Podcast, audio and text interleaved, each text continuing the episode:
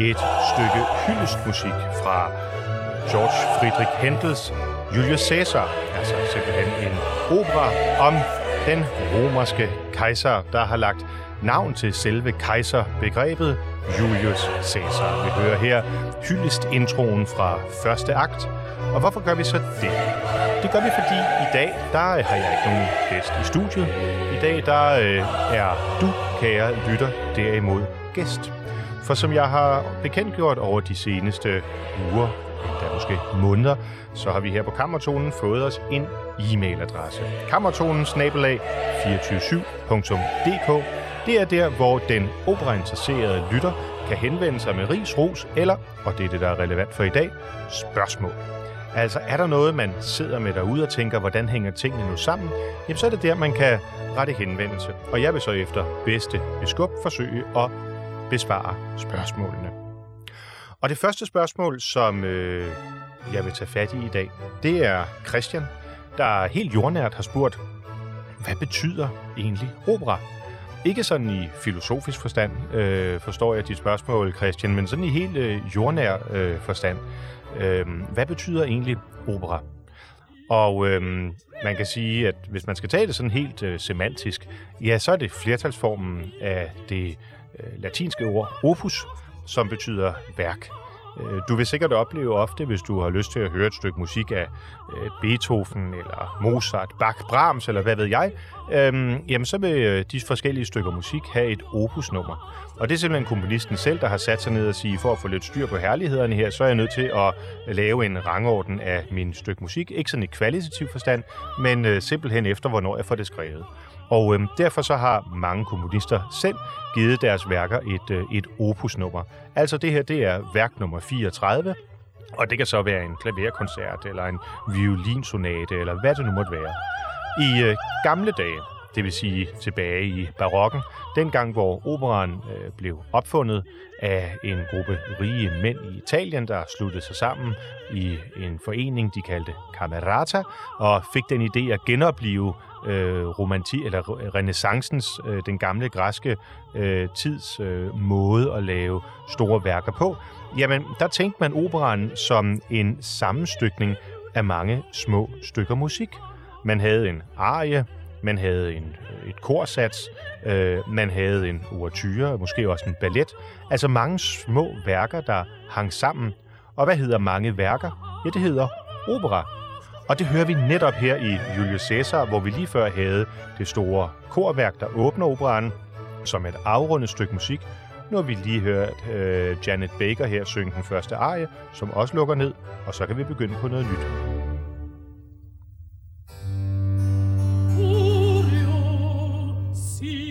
has come, has seen, has conquered. And if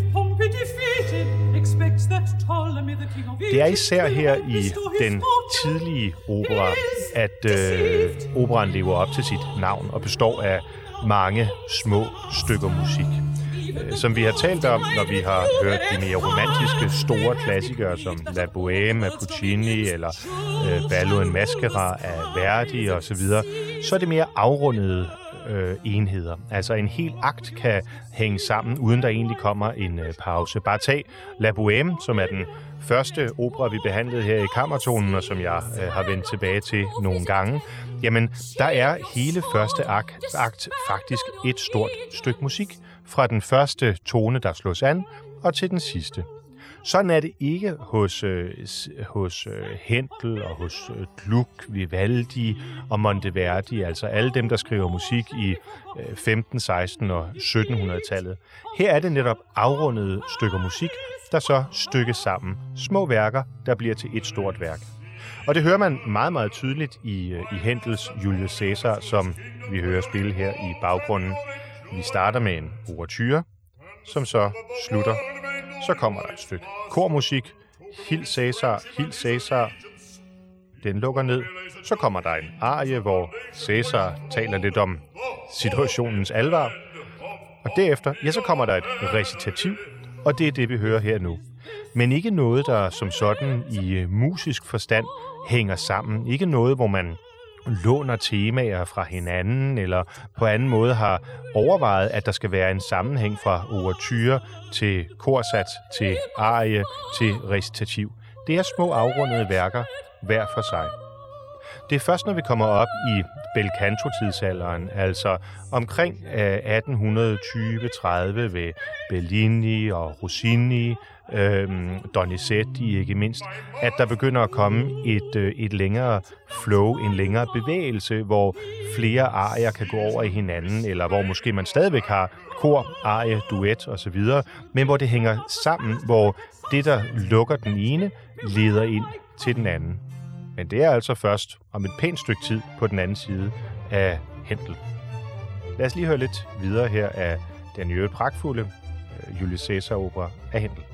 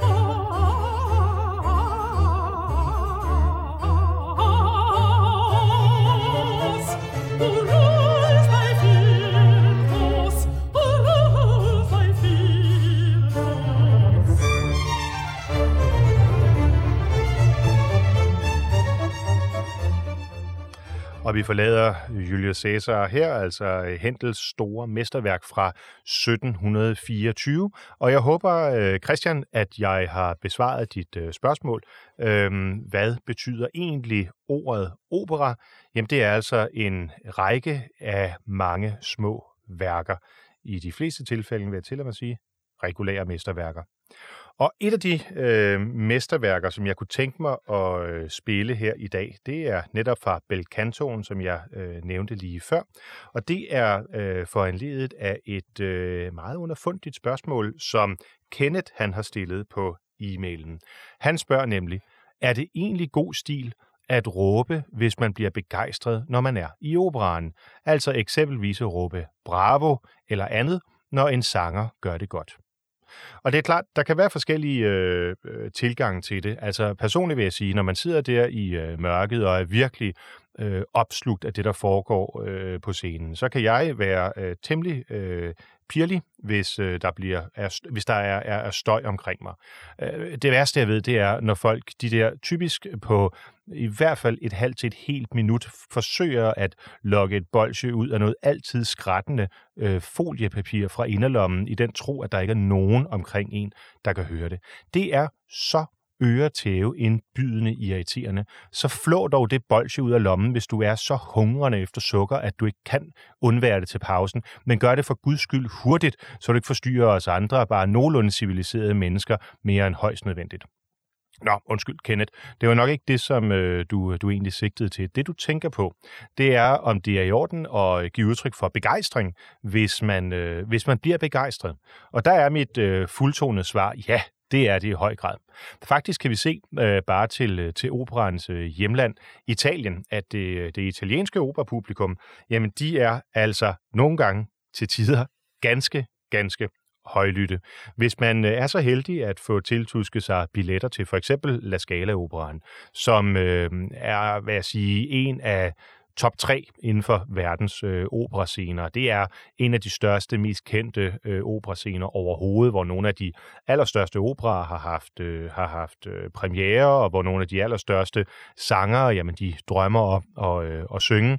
Jamen øh, det til trods, så øh, lægger, øh, lægger italienerne på ingen måde fingre imellem, hvis der er noget, de godt kan lide, øh, eller for den sags skyld, hvis der er noget, de ikke kan lide. Det italienske øh, operapublikum er, er notorisk kendt for at være meget, meget øh, åbenmundet i forhold til deres begejstring eller det modsatte. Og øh, det, man bare skal have styr på, det er selvfølgelig lige, hvad er det så, man skal råbe? Som et civiliseret menneske vil jeg anbefale, at man overlader en eventuel kritik øh, til øh, sin Facebook-profil eller andre steder, hvor man kan give udtryk for øh, mishag, hvis man finder, at en sanger ikke har levet op til de forventninger, man, øh, man havde. Men øh, når vi nu er i det italienske, så vær lige opmærksom på, at øh, bravo, det er altså rettet til hankøn. Det vil sige, at det er en mandlig sanger, der har leveret en, øh, en, øh, en stor præstation, så er det helt i orden at sidde dernede og sige bravo, måske endda bravissimo. Men det vil være en lille smule upassende, hvis det er en kvindelig sanger, fordi så hedder det selvfølgelig brava. Altså, man bøjer simpelthen øh, ordet, og er det flere sanger, som har optrådt, det kunne være et kor, eller det kunne være et ensemblenummer, ja, så siger vi bravi, med mindre ensemblet og koret alene består af kvinder, fordi så skal vi selvfølgelig bøje flertalsstavelsen i, øh, i femininum, og øh, på italiensk, der bliver i i den situation til e, og så siger vi brave. Jeg ved godt, det kan være en lille smule krukket, og det kan nok også være en lille smule forvirrende, og måske er det også en lille smule ligegyldigt. Men jeg vil give et eksempel på, hvornår jeg ville råbe brava, og det kommer her. Vi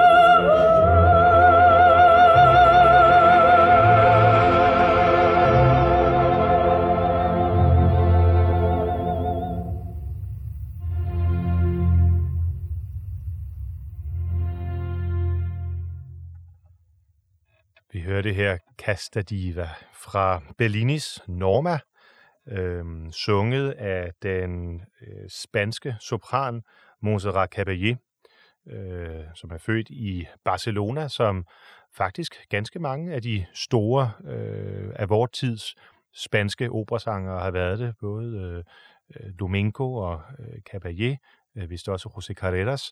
Øh, der er virkelig kommet meget god opera, i hvert fald mange gode sangere ud af det nordøst-spanske.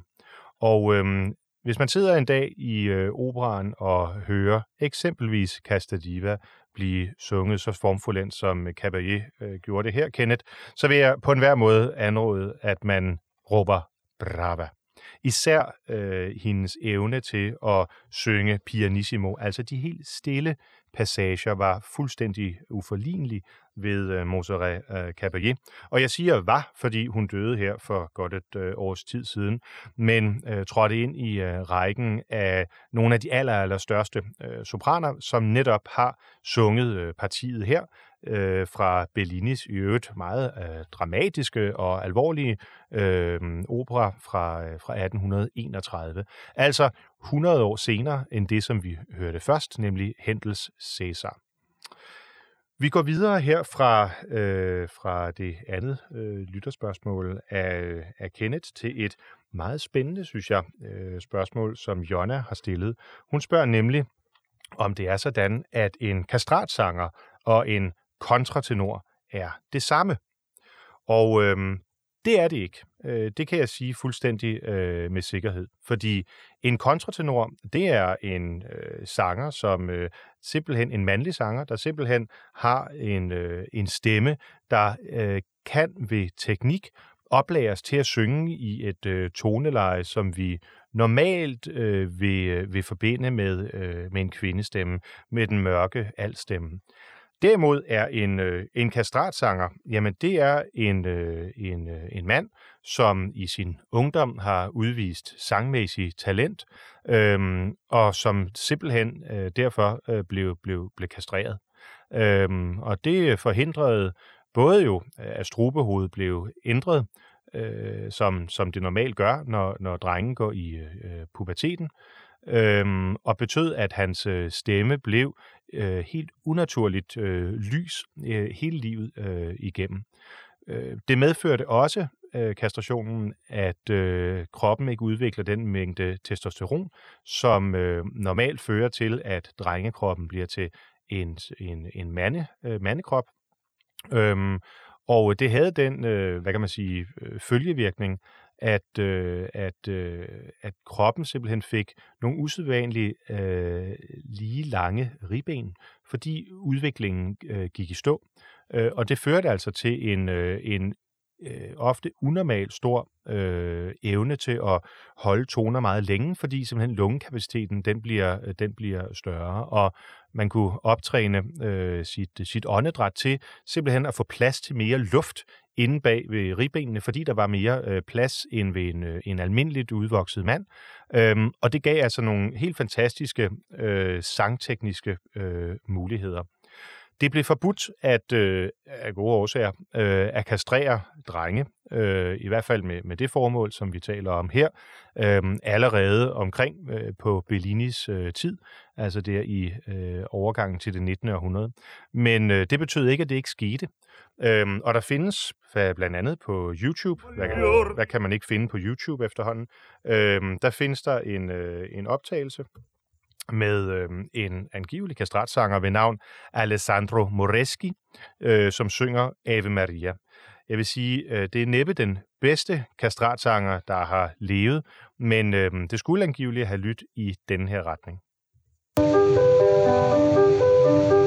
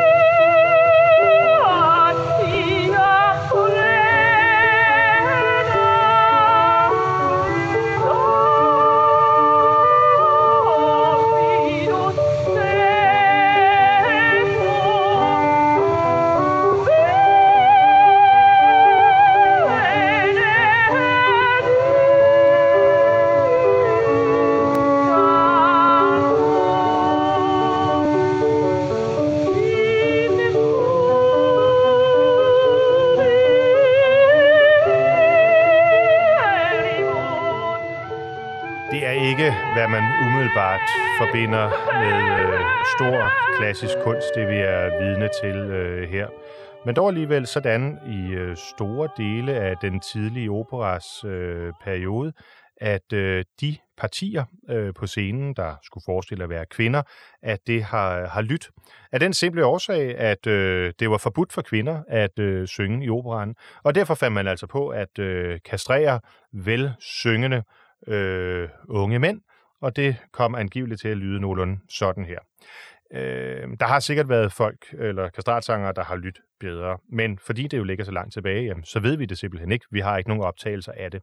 Men for en 20 år siden, der gav man det et forsøg, for man lavede en film, der hedder Farinelli, Il Castrato. Fordi Farinelli var netop en af de helt store øh, øh, sanger, kastratsanger øh, på øh, sin tid. Øhm, og det er en udmærket film for at forstå øh, samtiden, vil jeg sige. Jeg var i hvert fald stor fan af den, da den kom på, på banen.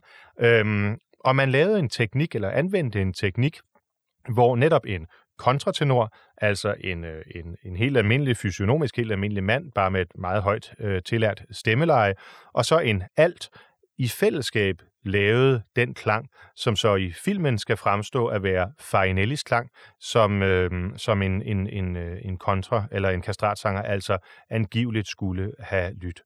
Og selvom det er animeret, selvom det er tilstrabt og ikke er den virkelige vare, så synes jeg alligevel godt, vi kan høre lidt af, hvordan øh, givetvis en, øh, en kastratsanger tilbage i øh, 1700-tallet kunne have lyttet.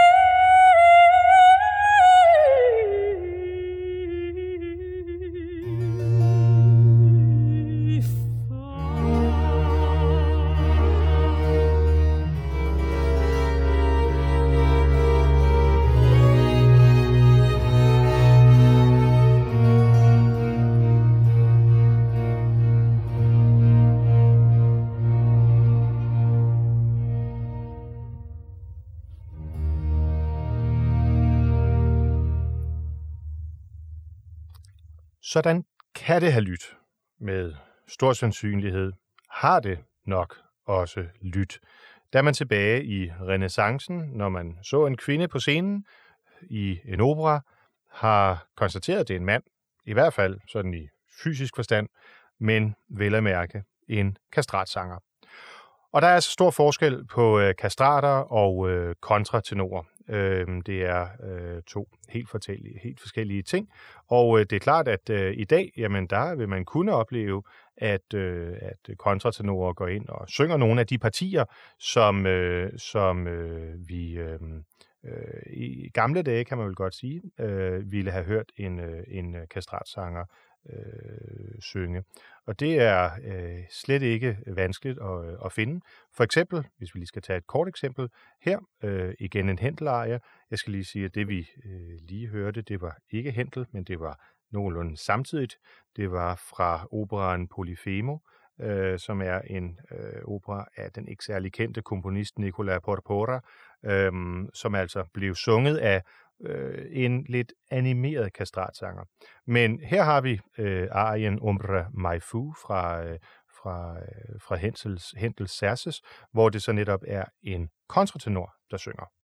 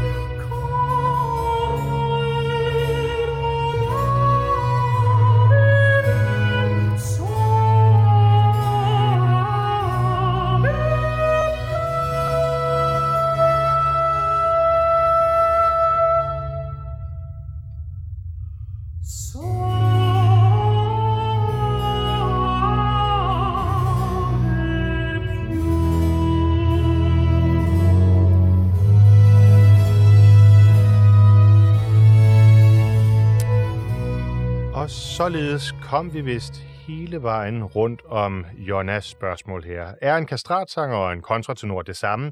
Nej, det er det ikke.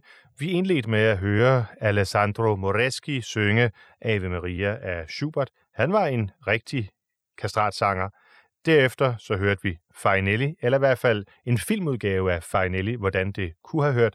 Han var en kastratsanger, som man kunne forestille sig det i den genres storhedstid må have lyttet. Og så hører vi her til sidst Ombre Maifu fra Cerses med Andreas Scholl, en af vortids allerstørste øh, kontratenorer. Øh, så, øh, så kan man selv danne sig et indblik i forskellene. Bemærk, hvordan også kontratenoren har den her meget fyldige klang hele vejen op. Det er, øh, det er en, en fantastisk oplevelse, øh, og øh, giver også en, en skær af autenticitet, når man sidder i øh, operan og, øh, og øh, øh, ja, på den måde kan, kan jeg være med til at fornemme, hvordan tilbage i det 16. og 17. århundrede det har været, fordi kvinder simpelthen var, var forment adgang til, øh, til scenen. Så Jonna, jeg håber, at du føler, at du har fået svar på dit spørgsmål. Du lytter, kære lytter, til Kammertonen her på Radio 24 hvor øh, jeg i dag i anledningen af påsken svarer på lytterspørgsmål. Og skulle du sidde med et spørgsmål vedrørende opera, som øh, du også har lyst til at få et svar på, eller i hvert fald mit bud på, hvad svaret kunne være, jamen øh, så skriv ind på e-mailen kammertonen 247.dk. Og det er vel at mærke stikkade sådan, at 24 skal være med tal, og så S-Y-V. Vi går videre til et andet spørgsmål her, som også knytter lidt an til operaen i filmen. Og det er Susanne, som har øh, set Milos Formans film om Mozart. Øh, og hun spørger, om filmen Amadeus er en ægte fortælling. Det er jo lidt bredere i virkeligheden end øh, lige operaen, som er mit gebet her i kammertonen. Men øh, jeg vil alligevel godt øh, give det et, øh, et skud. Fordi som jeg øh, husker filmen, og som jeg, øh, jeg har set den ganske mange gange, så øh, vil jeg sige, at helhedsindtrykket af Mozart, hans omgang med andre mennesker, hans øh, måde at komponere på, det kan umuligt være særlig langt fra sandheden. Mozart bliver født i øh, 1756 i øh, Salzburg, og øh, de første stykker musik, vi har fra hans hånd, jamen de er fra omkring 1760-1761. Øh, små øh, stykker for klaver og violin, øh, som han altså har skrevet allerede i en alder af øh, fem år. Det synes jeg, man får et, et ganske godt indtryk af, også i øh, filmen.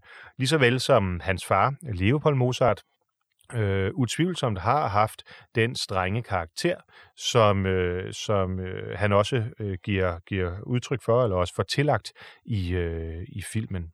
Øhm, der er ingen tvivl om, at øh, netop fordi Mozart øh, så tidligt af sin far, øh, der i øvrigt var en relativt anerkendt musiklærer, øh, pædagog øh, især øh, med, øh, med violinen for øje, øh, det er han, Wolfgang, blev revet ud af sin barndom på øh, så tidligt et tidspunkt, øh, at det har givet ham en fjollet karakter.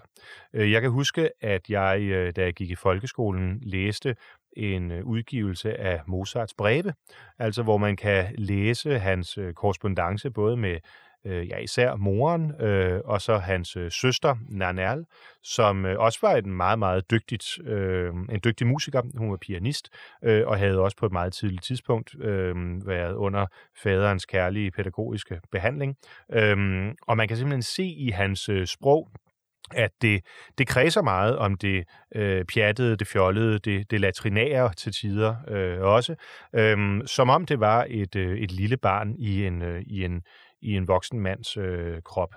Der er selvfølgelig ting i filmen, øh, som man ikke med sikkerhed kan, kan vide noget som helst øh, om. Altså øhm, øh, det spil, der eksempelvis er mellem Salieri, der bliver ansat som hofkomponist, og Mozart, øh, det virker usandsynligt, at Salieri han lige frem skulle have været sådan øh, en af, af hovedgerningsmændene, der førte til øh, Mozarts alt-alt for tidlige død, øh, nemlig 5. december øh, 1791, hvor han altså dør i en alder af bare 35 år.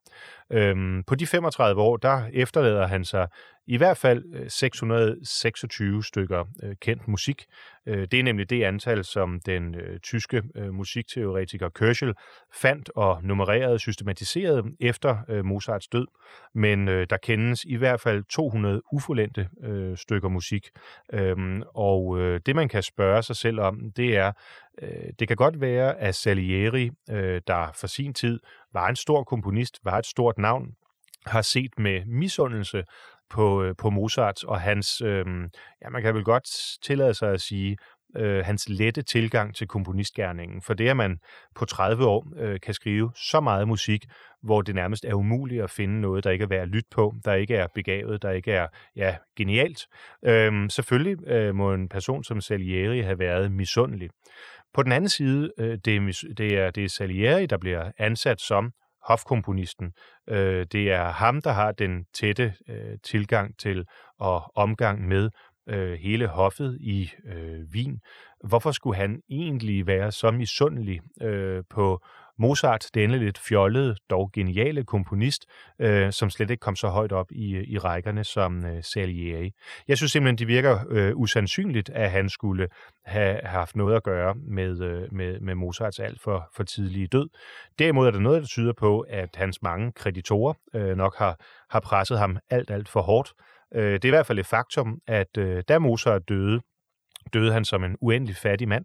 Faktisk så fattig, øh, at hans øh, lægeme blev kastet i en fattiggrav øh, et sted uden for Wien, så vi ved ikke, hvor han ligger begravet øh, i dag. En af de ting, som der er blevet spekuleret i, men som ikke fylder så meget i øh, filmen, det er hele spørgsmålet om frimurlogen og operan Tryllefløjten. Øhm, for det er et faktum, at, øh, at Mozart øhm, i, øh, jeg mener, 1784 øh, bliver øh, tilsluttet øh, frimurlogen og øh, skriver altså øh, 6-7 år efter øh, Tryllefløjten, som øh, på mange måder afslører nogle af de øh, riter og traditioner, øh, som, øh, som øh, har været hemmeligholdt inden for øh, frimureriet. Øh, og øh, ja, Mozart dør altså et par måneder efter øh, Tryllefløjtens øh, premiere.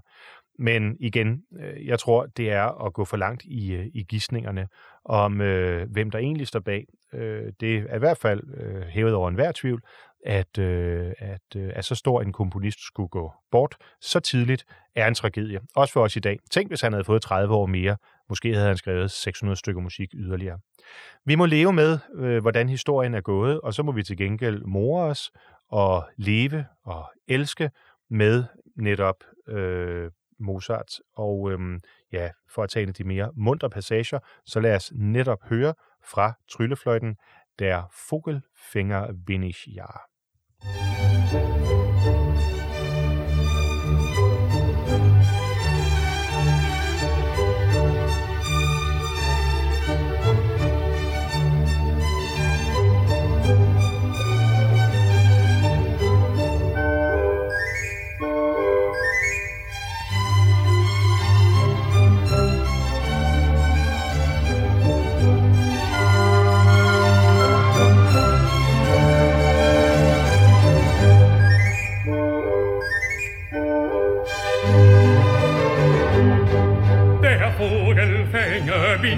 ja stets lustig, heißer Hopsassa. Ich Vogelfänger bin bekannt, bei alt und jung im ganzen Land. Weiß mit dem Loggen umzugehen und mich aufs Pfeife zu verstehen. Drum kann ich froh und lustig sein, denn alle Vögel sind ja mein.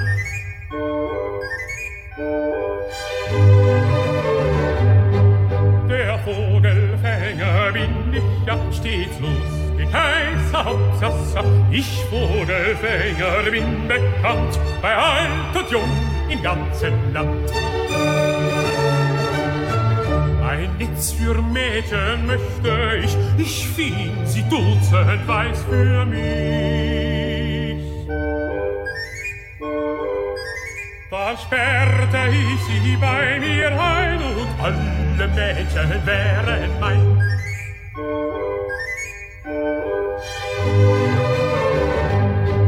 Wenn alle Mädchen wären mein, so tauschte ich brav ein. Die, welche mir am liebsten wär, der geb ich gleich den Zucker her.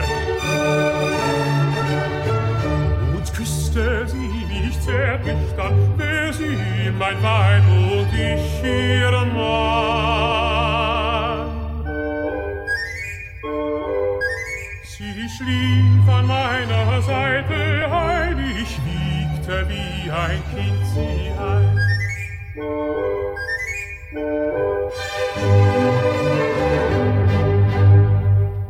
Sådan kan det lyde i Mozart, fra det dystre til det mundre, fra det lette til det tunge. Mozart er formodentlig en af de komponister i verdenshistorien, som har haft det allerbredeste repertoire.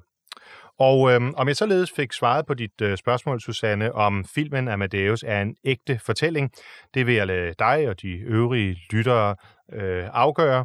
Men øh, du skal i hvert fald have tak for spørgsmålet og anledning til at høre netop Wolfgang Amadeus Mozart. Det næste spørgsmål, som øh, vi bevæger os over til, har en helt anden øh, karakter.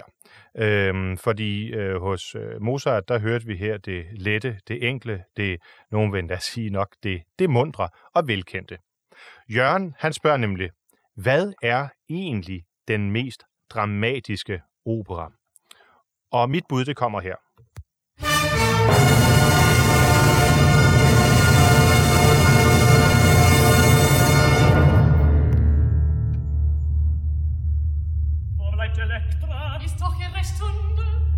Just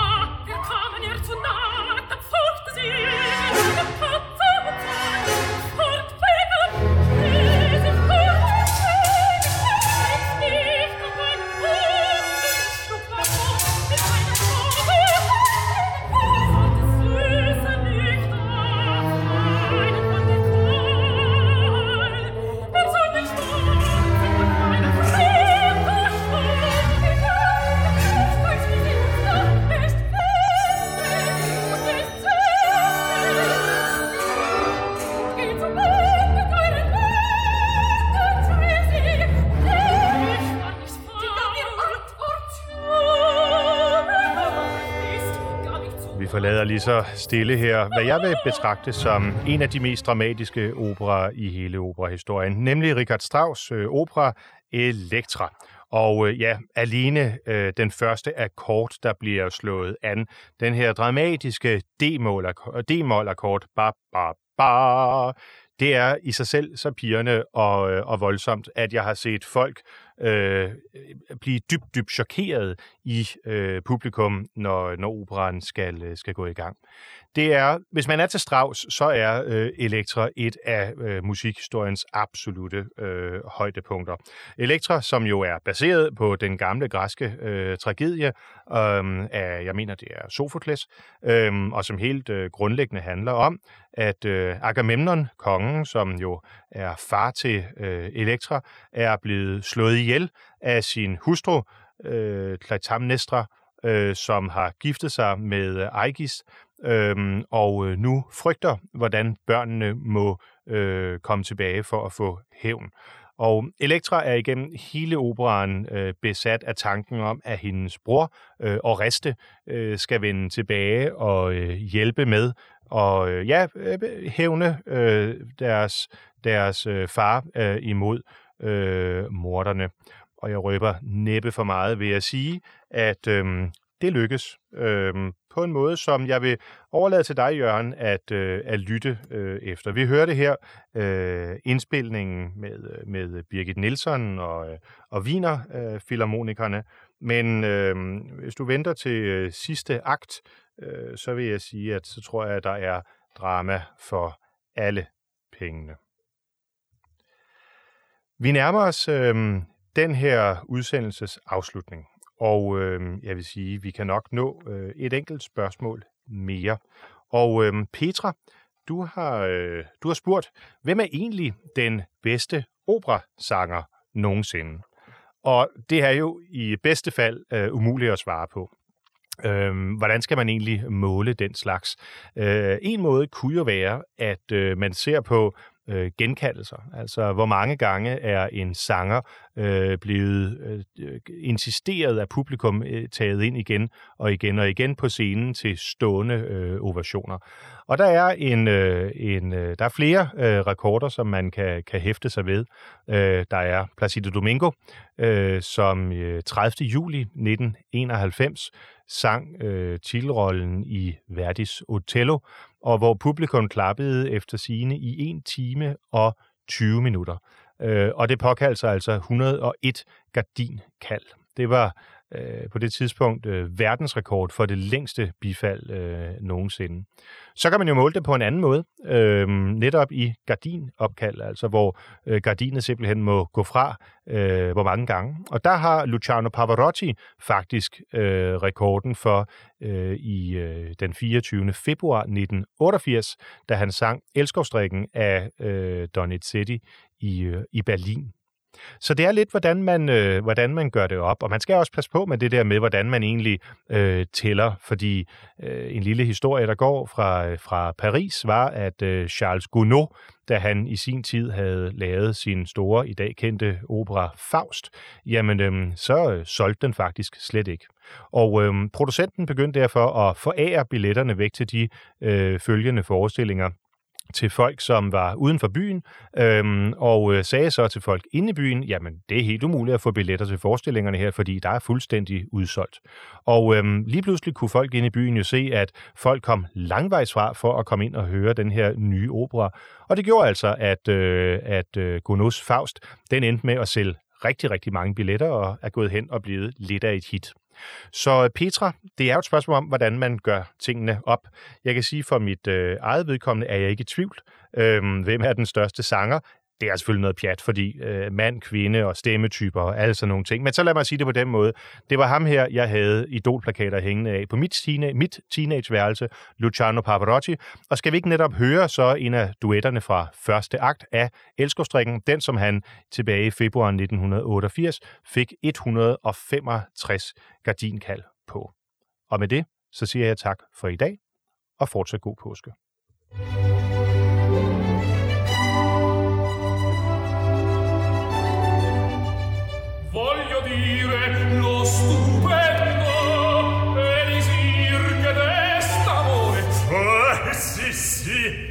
capisco intendo io ne son distillatore e fiamero sì se ne fa gran consumo gran consumo in questa età. Oh fortuna e ne vendete.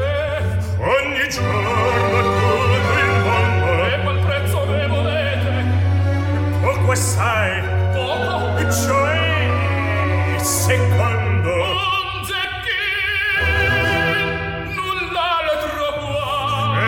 somma che ci va.